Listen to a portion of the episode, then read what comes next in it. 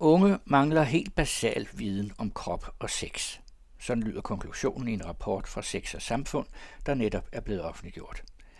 Blandt de unge lurer myter og misforståelser om krop og seksualitet, men også børn mangler helt basal viden om kroppen, siger generalsekretær i Sex og Samfund, Maj-Britt Berlau til Ritzau. Og hun fortsætter, det betyder, at man kan ikke træffe ordentligt informerede valg senere hen, hvis ikke man har den reelle viden.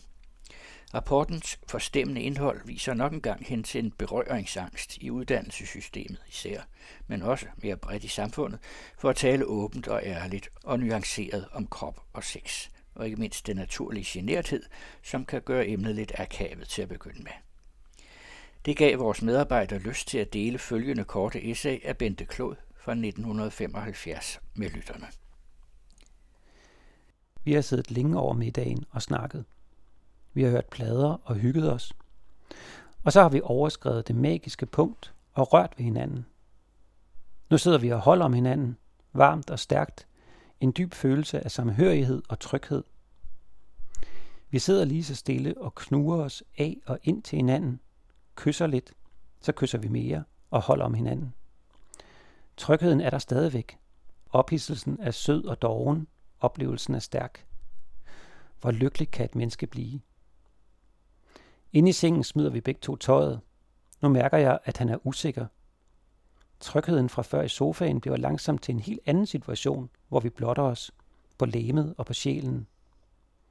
Hans usikkerhed over for sin egen, og måske også min, krop irriterer mig allerede. Men ophidselsen er der. Den får os til at handle og klare situationen. Tæt sammen, bare tæt, så er der ingen nøgne kroppe foran os. Så føler vi os ikke betragtet, så kan vi stadig koncentrere os om ophidselsen. Nu er han tydeligvis usikker, og samtidig mere og mere fast besluttet på at komme over hurdlen. For der står pludselig en hurdle der, der hedder Gennemfør et samleje med denne pige, som du er glad for, gør hende tilfreds. Jeg føler, at hans opmærksomhed spaltes på den måde. I en del, der stadig er hos mig, og en del, som er hans eget 100 meter løb, han skal klare på grund af og i kraft af mig. Men jeg kan ikke hjælpe ham så meget, som jeg gerne vil. I selve hjælpen vil der ligge en hentydning om, at han måske ikke vil kunne klare det alene. Fra dette øjeblik føler jeg mig en lille bitte smule forladt i sengen. Han har vendt en del af sin tilstedeværelse mod sit eget køn. Men det er stadig dejligt, og det er jo derfor, vi ligger her, og vi giver udtryk for vores ophidselse og glæde på alle mulige måder, kysser og lærer sammen. Hans reaktion kommer og går, et faktum, der distraherer ham mere og mere. Til sidst er han næsten kun koncentreret om at få den op at stå. Jeg kan ikke undgå at deltage, så tæt sammenfiltret som vi er, i den almindelige stimulering af ham, og i mellemtiden køler jeg lidt af. Ikke så meget på grund af, at der ikke præsteres en stor, stiv en lige foran mig, som på grund af den afbrydelse, han har lavet sin erektion afstedkomme mellem os. Der er så mange måder, vi kan elske på. Så mange, mange aftener fremover at elske i. Det vigtigste i aften var den fantastiske tryghed, vi følte lige før, tæt sammen i sofaen, øre mod øre. Vores hænder og det, de gjorde. Nu beskæftiger vi os med et lille punkt på hans krop, og det er en begrænsning, der føles lige så nedslående, som at blive afskåret fra at måtte vælge imellem mange forskellige slags lækker mad, til kun at have en eneste delikatesse foran sig. Så, nu står den. Han er lettet. Vi er lettet. Reaktionen må bruges med det samme til at putte den ind. Den bliver afgørende for kælderiets varighed. Jeg vil egentlig gerne have ventet. I den første beruselse er det skønt at være helt sammen, at mærke ham inden i mig, og for ham at føle sig omsluttet. Lidt efter kommer imidlertid næste usikkerhedsmoment. Jeg kan mærke hans tanker. Skal jeg vente på hende? Skal jeg gøre noget bestemt for at få hende til at komme? Kom hun nu? Var det det, hun gjorde? Tankerne myldrer igen op i hovedet på ham. Da han mærker, at jeg stimulerer mig selv, slår han sig åbenbart til tåls med at overlade det hele til mig selv. Og her føler jeg en uønsket følge af det initiativ, jeg har taget. Kan hun alt det andet, kan hun nok også selv skaffe sig en orgasme.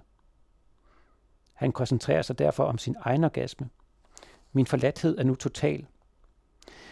Hans slutspur forhindrer mig som regel i at stimulere mig selv tilstrækkeligt, så min egen ophidselse daler mærkbart. Det bliver betragterens rolle, jeg må krybe i her til sidst, mens han kæmper for sin udløsning. Jeg kæmper for den. Hvem sagde, at mændene har fået deres orgasme foræret? Det er rigtigt, at kvinden har sværere ved det end mand, men mænd er mærkværdigvis også usikre på, om det lykkes. Det er det indtryk, der går igen og igen i slutningen af et samleje. To mennesker, der ligger og lytter efter, om han kommer. Trods det, at det meget sjældent sker, at han ikke kommer, så er muligheden der teoretisk. Og det er imod reglerne. Han skal have reaktion, have den op i pigen og få udløsning. Det er mindste målet. Han prøver på den ene og på den anden måde. Han stønner og holder vejret.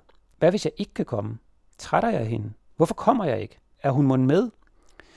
Jeg skulle hvile lidt, men så taber den måske helt gejsten. Så, nu nuller hun mig der. Hun tror ikke, jeg kan få udløsning. Hun er utålmodig. Så kommer han, skærer ansigt, klynker som et lille barn, ryster over hele kroppen, som en skal. Man har frevristet sin inderste hemmelighed, føler, hvordan han endelig giver den sæd fra sig, som var så svær at få givet videre, føler, hvordan han synker tilbage til stedet, til pigen, til nuet, lægger sig udmattet ned, forsigtigt. Har du det godt, visker han til mig. Hvis jeg nu siger, at jeg ikke har det godt, at jeg faktisk ikke har fået så meget ud af det her, fylder jeg ham med gode, sejlivede komplekser, vi måske kan slås med resten af vores forhold. Hvis jeg ikke svarer direkte, efterlader jeg en usikkerhed.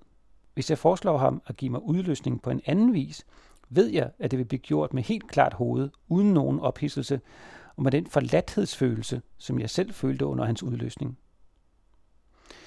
Grunden til, at jeg nu visker ja, er, at jeg i virkeligheden ikke synes, det er så vigtigt med en orgasme eller to. Den får jeg nok en anden gang. Det vigtigste for mig er samhørigheden. Det at være tæt sammen, holde om hinanden. Den snak, vi har haft før eller for efter, den glæde og gensidighed, vi har sammen, det betyder noget for mig. Ikke orgasmen, hverken hans eller min. En vattet holdning, vil nogle af mine medsøstre sige. Kræv din orgasme. Du har ret til den. Kræv. Ret. Der er det ved ophidselse, at den ikke kan styres. Vores skræmte mænd kan ikke sparkes til at give os orgasme. Jeg har her forsøgt at beskrive et helt almindeligt samleje, et typisk tilfælde. Hele tiden var det domineret af usikkerhed, af frygt, af flugtmekanismer. Det slår aldrig fejl, at vi har præstationsangsten med i seng som publikum.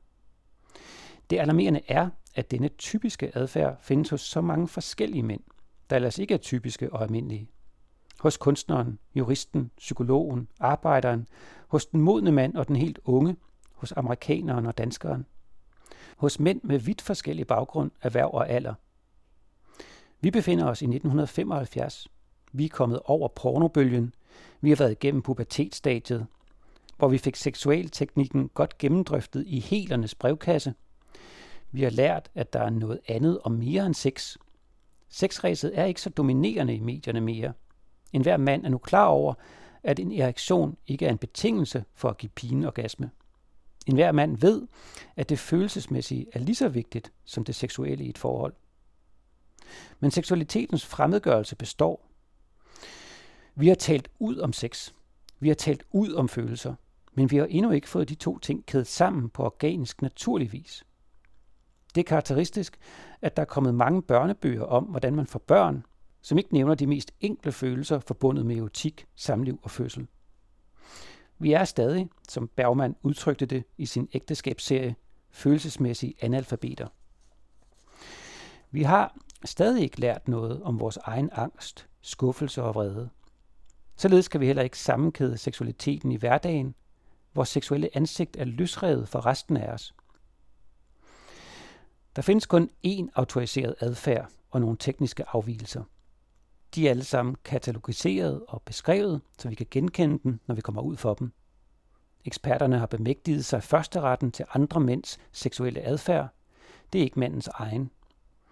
Det er det mest rystende udslag af mændenes indbyrdes undertrykkelse, at den giver sig udslag i sengen, og dermed også undertrykker den pige, han er i seng med.